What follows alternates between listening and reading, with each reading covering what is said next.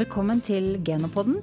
Og denne gangen så er tema ikke mindre enn eh, Genos internasjonale virksomhet. Det vet vi at det er flere som har vært nysgjerrige på.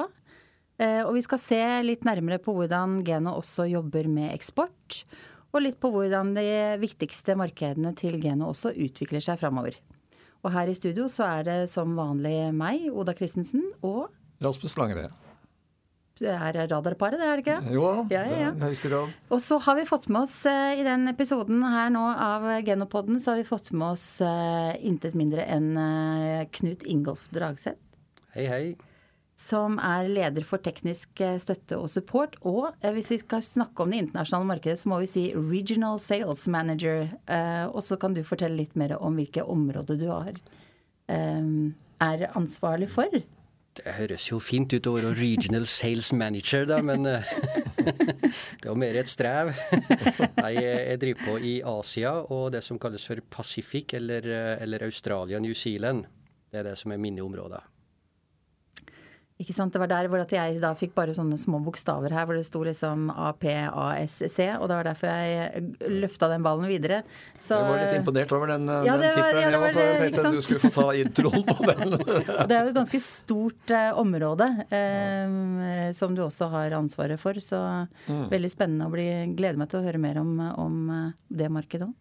Men Knut Ingolf, eh, vi er jo ute i flere markeder, kanskje en 30 land som vi eksporterer genetikk til. og, og mange lurer på åssen eh, dette her egentlig går. og Kan du, kan du si litt om, gi noen tall for åssen den eh, økonomiske utviklinga har vært for eksporten til Geno?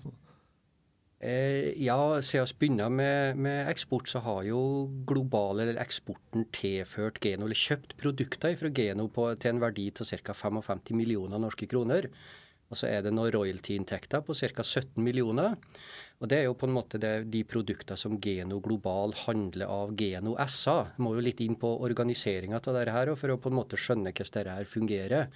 Mens eh, Geno Global AS da, de kjøper jo disse produktene, selger dem videre igjen. Og der er det jo en del kostnader, eh, så der er det jo et negativt resultat eh, til nå.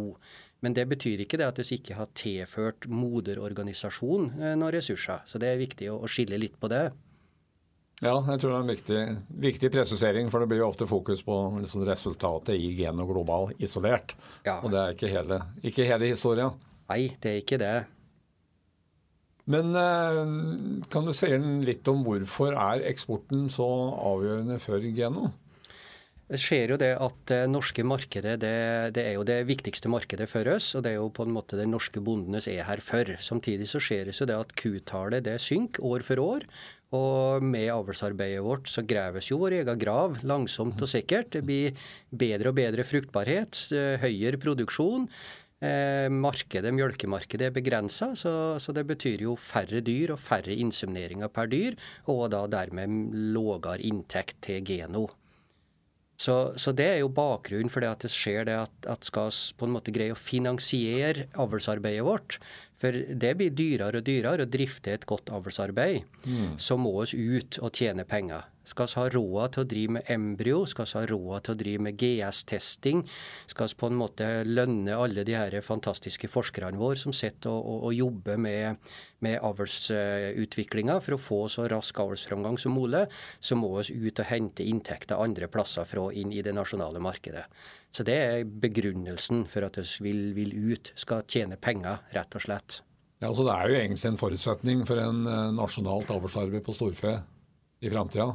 At vi, at vi, lykkes og får noen inntekter fra eksporten? Ja, det er det. En skal ikke male fanden på veggen, men får vi ikke noen noe inntekter fra eksporten, så vil det seg etter hvert bli utkonkurrert fra andre raser som har en, en raskere avlsfremgang, og som da vil ha et bedre produkt i markedet. Men det håpes jo å unngå. Mm. Ja, og, og, derfor er det vel kanskje også at vi, vi eh, ruster oss litt annerledes mot uh, fremtiden på det internasjonale markedet? Vil du fortelle litt om eh, hva som skjer med Vi har jo Geno Global som, eh, som, eh, hvor det skjer en del endringer rent strukturmessig? Ja, eh, Geno Global har jo vært litt sånn fram og tilbake. Det starta jo som et eget selskap, som et AS, og det er det i og for seg nå òg. Men nå er det jo mer et papirselskap med et organisasjonsnummer. Men det er ingen ansatte der, det er bare en plass der pengene er innom. Men i fremtida så har vi tenkt å vekke Geno Global AS til live igjen.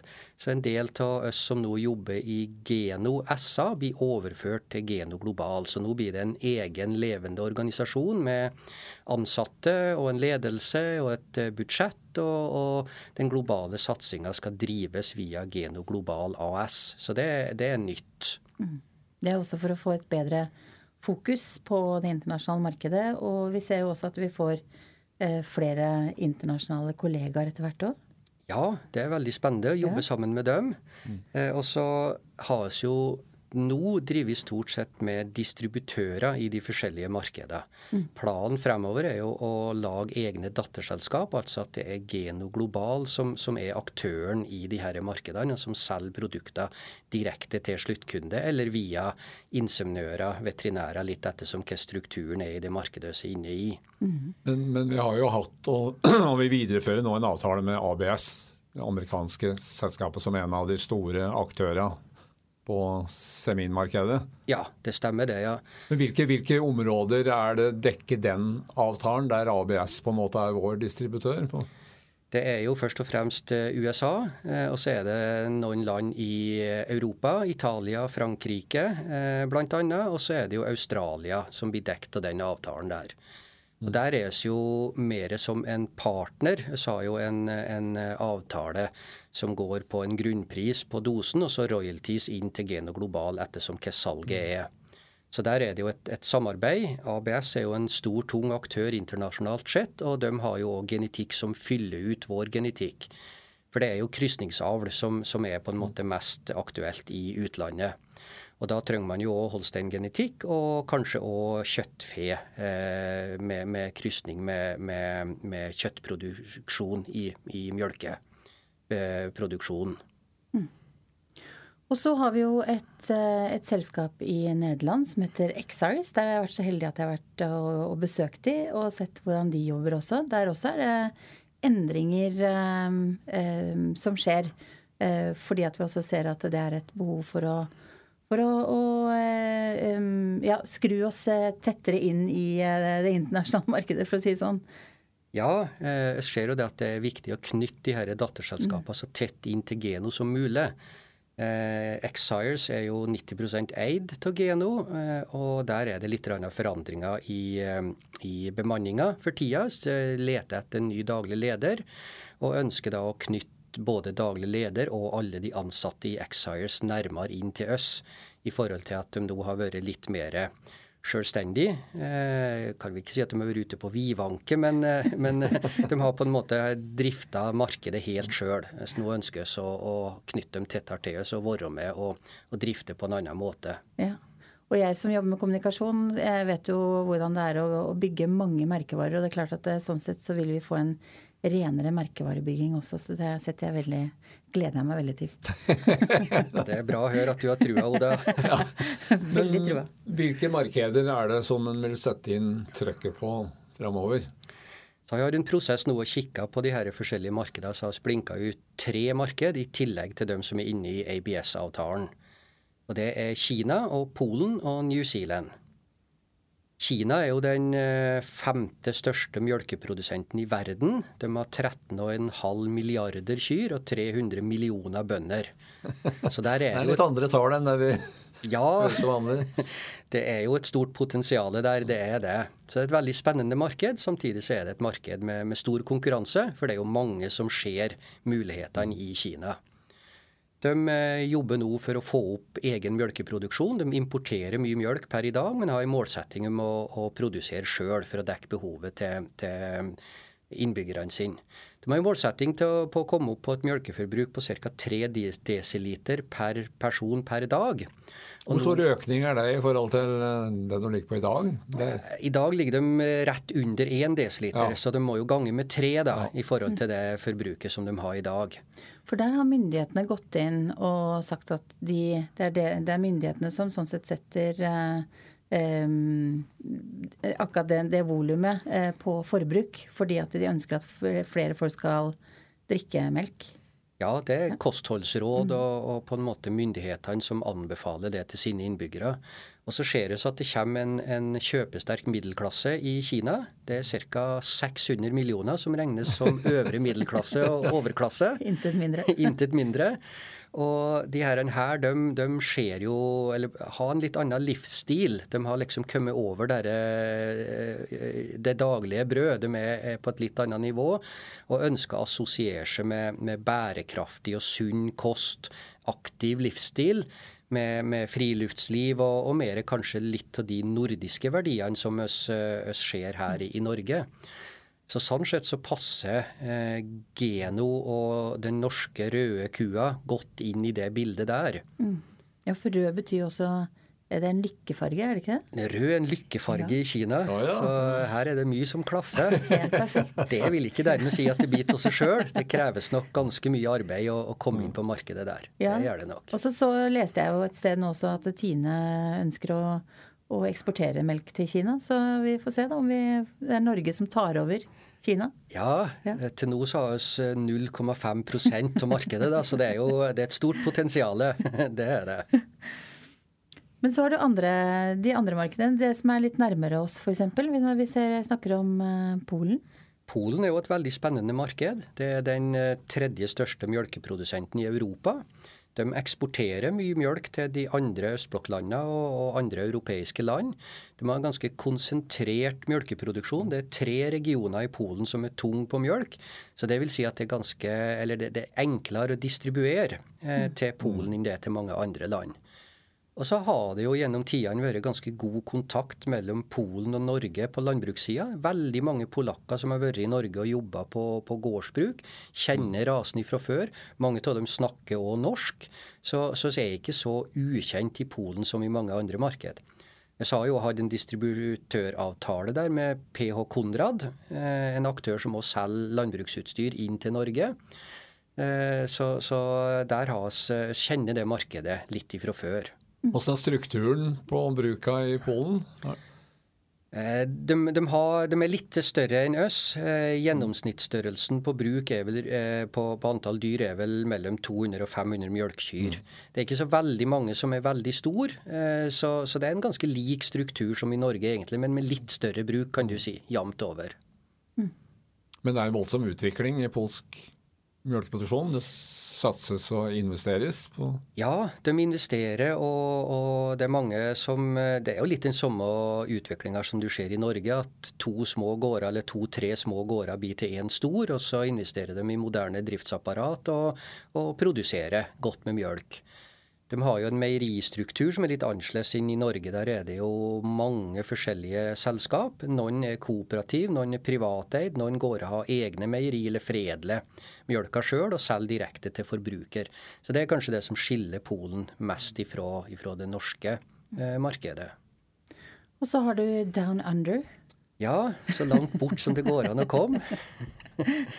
Også et veldig spennende marked. Det er det. Det er jo et, et, marked som er helt forskjellig fra Kina. Kina er jo høy ytelse, eh, full gass, mens New Zealand er litt i andre enden. Der er det beitebasert. Fins nesten ikke fjøs. De har en mjølkstall med et tak over, og så går dyra ute hele året. Eh, ekstensiv eh, drift. Eh, mange mjølker bare én gang om dagen. Eh, det er lite kraftfôr, det er mye, mye gras, eh, og, og, det er ikke så høye ytelser, men de er opptatt av innhold, tørrstoff i mjølk. Det er det som, som det markedet betaler etter. Ja. Og så har jo det, det newzealandske markedet kommet litt i utakt, eller, eller mjølkeproduksjon, mjølkeindustrien i New Zealand har kommet litt i utakt med resten av befolkninga.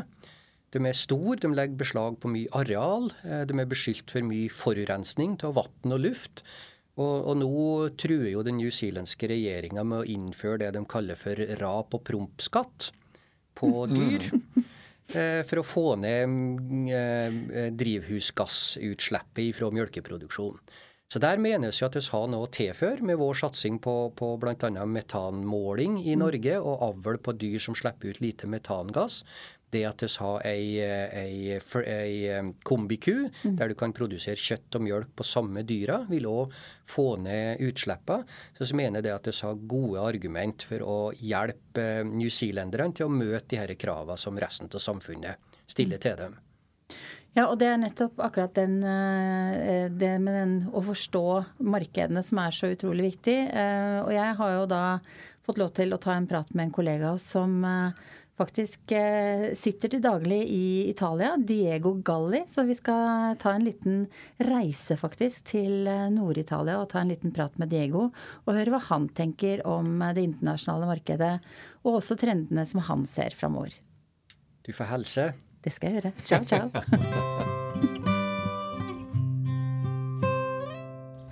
ok, ciao Giuseppe. Ciao Diego. Dunque è un, è un, anno e mezzo circa che lavori, che lavori nel... Ja, jeg var så heldig at jeg fikk en liten prat med Diego Galli faktisk i Italia. Og i Italia så skjer det jo Kan jo ting plutselig skje. Så det ble ikke jeg som intervjua Diego, men det var Diego Galli som da er vår representant eh, for markeds, eh, markedet i Europa, i Geno. Eh, han intervjua Giuseppe Nugara, som er en av salgsrepresentantene for ABS Italia. ABS er vår distributør i Italia, blant annet.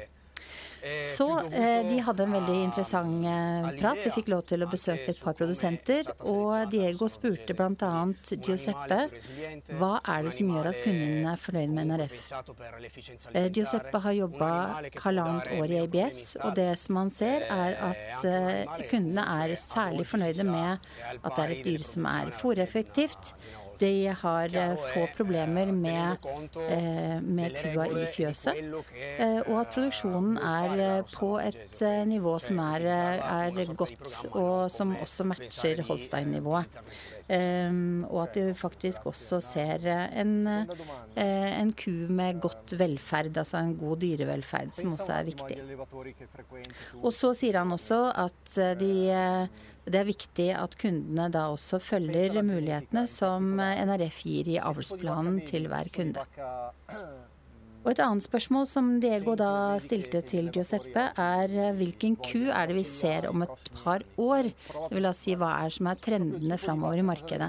Og der sier Giuseppe at det er som i resten av Europa. Vi eh, kommer til å se at det blir mer fokus på det med fòreffektivitet, og også på hvordan man faktisk får eh, mest mulig ut av vannmengde. Det er jo et, et, noe som vi ser har blitt et tema i hele sommer, og som er selvfølgelig et tema som er kanskje klarere fremme i den delen av Europa som Italia ligger i. Eh, I tillegg så mener han også at det er viktig å ha en ku som forurenser mindre, at vi får mer klima- og miljøriktig ku.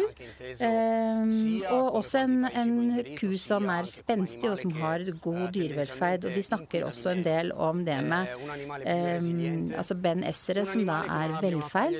Og også en del om, eh, om, det med å ha mindre medisinering og mindre antibiotika, som også selvfølgelig er eh, en av fordelene som vi har med norsk rødt fe, og også med drifta som vi gjør i Norge.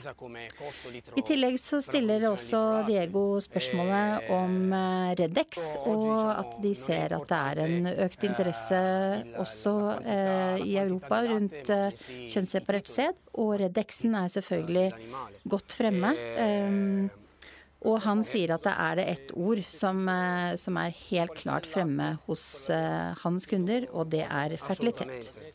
Uh, og kvaliteten på, på Redexen er selvfølgelig også veldig god, som gjør at han får kunder som er veldig, veldig fornøyde med det produktet. Um, og det er en veldig, veldig godt fornøyd Giuseppe Nugara som Diego Galli har hatt en prat med i Italia. Ja, eh, Knut det er jo krysningsmarkedet som liksom er der vi, vi, skal inn. Kan du si litt om hvordan interessen er for, eh, for kryssing på storfesida i de ulike markedene? Hvordan utviklinga er? på? Det varierer jo litt. Du har jo fremdeles marked som holder på, på renrasa dyr, og det er liksom løsninga. Men så ser man det at, at eh, den verdensledende rasen, da, Holstein, begynner å få noen noe problemer, bl.a. med innavl, eh, fruktbarhet. De har gjort store fremskritt i det siste, men likevel så ligger de veldig langt etter eh, norsk rødgenetikken. Så det er jo for å, å, rette opp i det som på en måte mangler i de rene rasene, at krysningsavlen eh, kommer inn.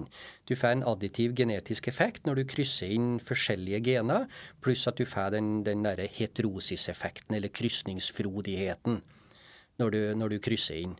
Og så begynner vi etter hvert å få gode data eh, som viser det at, eh, at den første generasjonen, den vi kaller F1, de mjølker bitte litt mindre inn rene Holstein, men eh, du tar igjen mye på utgiftssida i form av bedre fruktbarhet, bedre helse, eh, lengre levetid eh, og, og, og lettere å håndtere. Mindre fødselsproblemer. Og, og, og, mange fordeler med å drifte. Så vi argumenterer jo litt med utgiftssida, at, at, man ikke må glemme den i forhold til inntektssida. Og Så ser det jo det at eh, de neste generasjonene, F2 og F3, de der beholder du mye av de fordelene som du har med norsk rød genetikk. Samtidig så kommer de etter på produksjon. Så de produserer faktisk bedre enn en ren Holstein. Så, så, det er gode argumenter for å, å, å starte med krysningsavl og for å, å, drifte med det. Litt av utfordringa er jo tidsperspektivet i dette her. For det tar så utrolig lang tid ifra en kunde i utlandet kjøper genetikk til oss, til den en får produksjonsdyr der en kan se hvordan den mm. genetikken virker. Mm. Men, men, det er et sånn torasopplegg med, med NRF Holstein er det som vi primært ønsker å selge inn. Vi vet jo USA blir det òg brukt en del jersi til kryssing, sånn at NRF kommer inn som den tredje rasen. Ja, det er forskjellige strategier på dette her. Eh, det er både den to-rasekrysninga og den tre-rasekrysninga med litt forskjellige raser. Jersey er populær. flekkfie er også brukt som en tredje rase inn. Eh, Geno eller Geno global ser det nok som enklest å håndtere eh, en torasekrysningssystem.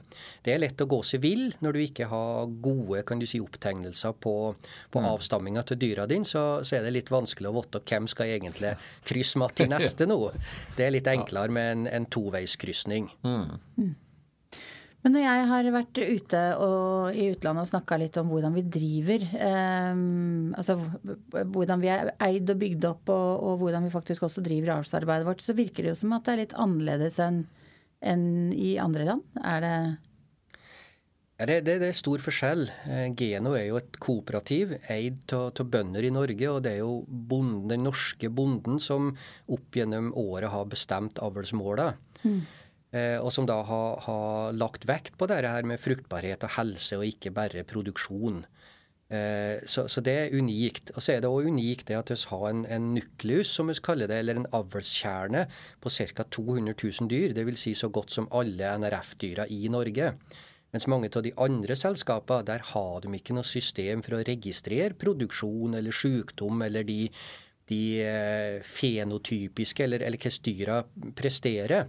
Så der så, så, betaler de noen utvalgte bønder for å gjøre de registreringene. Og det er dyrt, og da får de kanskje en avlsnukleus på mellom 15 000 og 25 000 dyr i forhold til våre 200 000 dyr.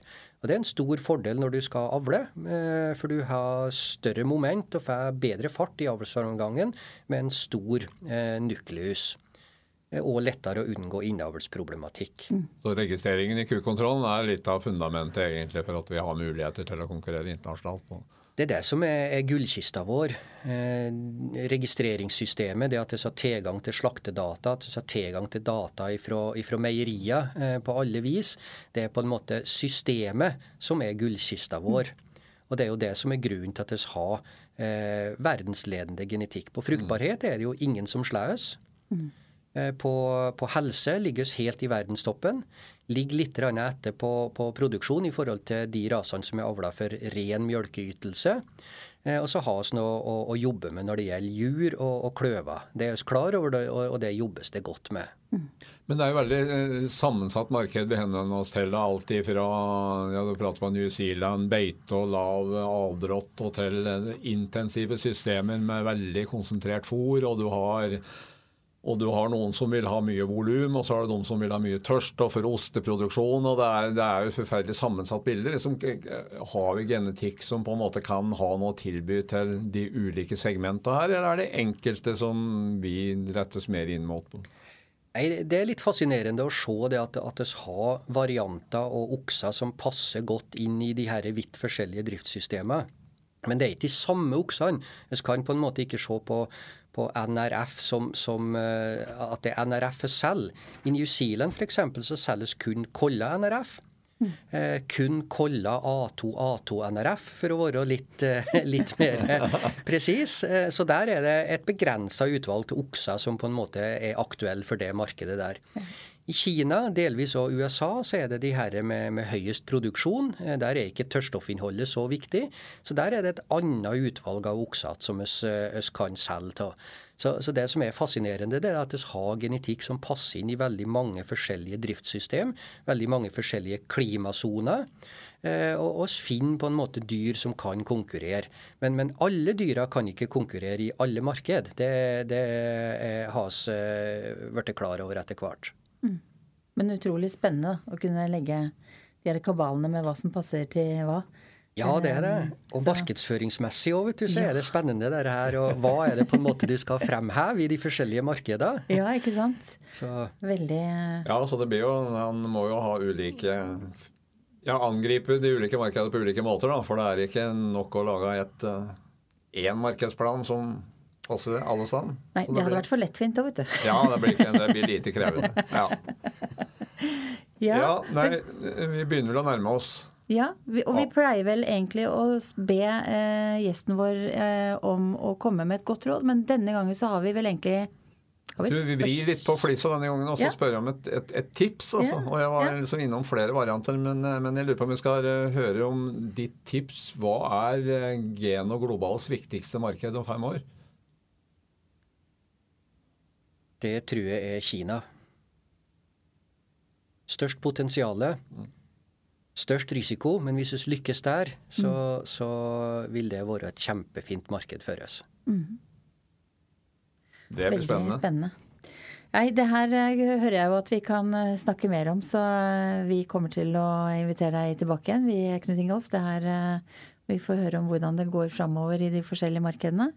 Ehm, så jeg må bare si tusen takk for eh, at du kom og delte både kunnskap og innsikt. Ehm, og du finner eh, denne Genopod-episoden her eh, finner du selvfølgelig på alle de vanlige Geno... Eller alle de vanlige pod-appene. Alle stedene hvor du hører på podkast. Og selvfølgelig også på geno.no. Ehm, ja. Ja da, og eksporten blir ikke noe mindre viktig for Geno framover. Og så må vi ikke glemme det at vi, det at vi holder populasjonen samlet. At vi har én avlspopulasjon i Norge og medlemmenes oppslutning om kukontrollen. Og at vi får inn data på alle disse her registreringene på hvordan disse dyra presterer. Det er hele fundamentet for at vi kan ha mulighet for å oppnå en suksess. Veldig godt poeng. Og så vil jeg bare si også, hvis man er mer nysgjerrig på det internasjonale markedet, gå gjerne inn på norwegianred.com. Der ligger også internasjonale podkastepisoder faktisk på engelsk. Stemmer det, ja. Takk for at du fikk komme. Det var trivelig. Tusen takk. Tusen takk.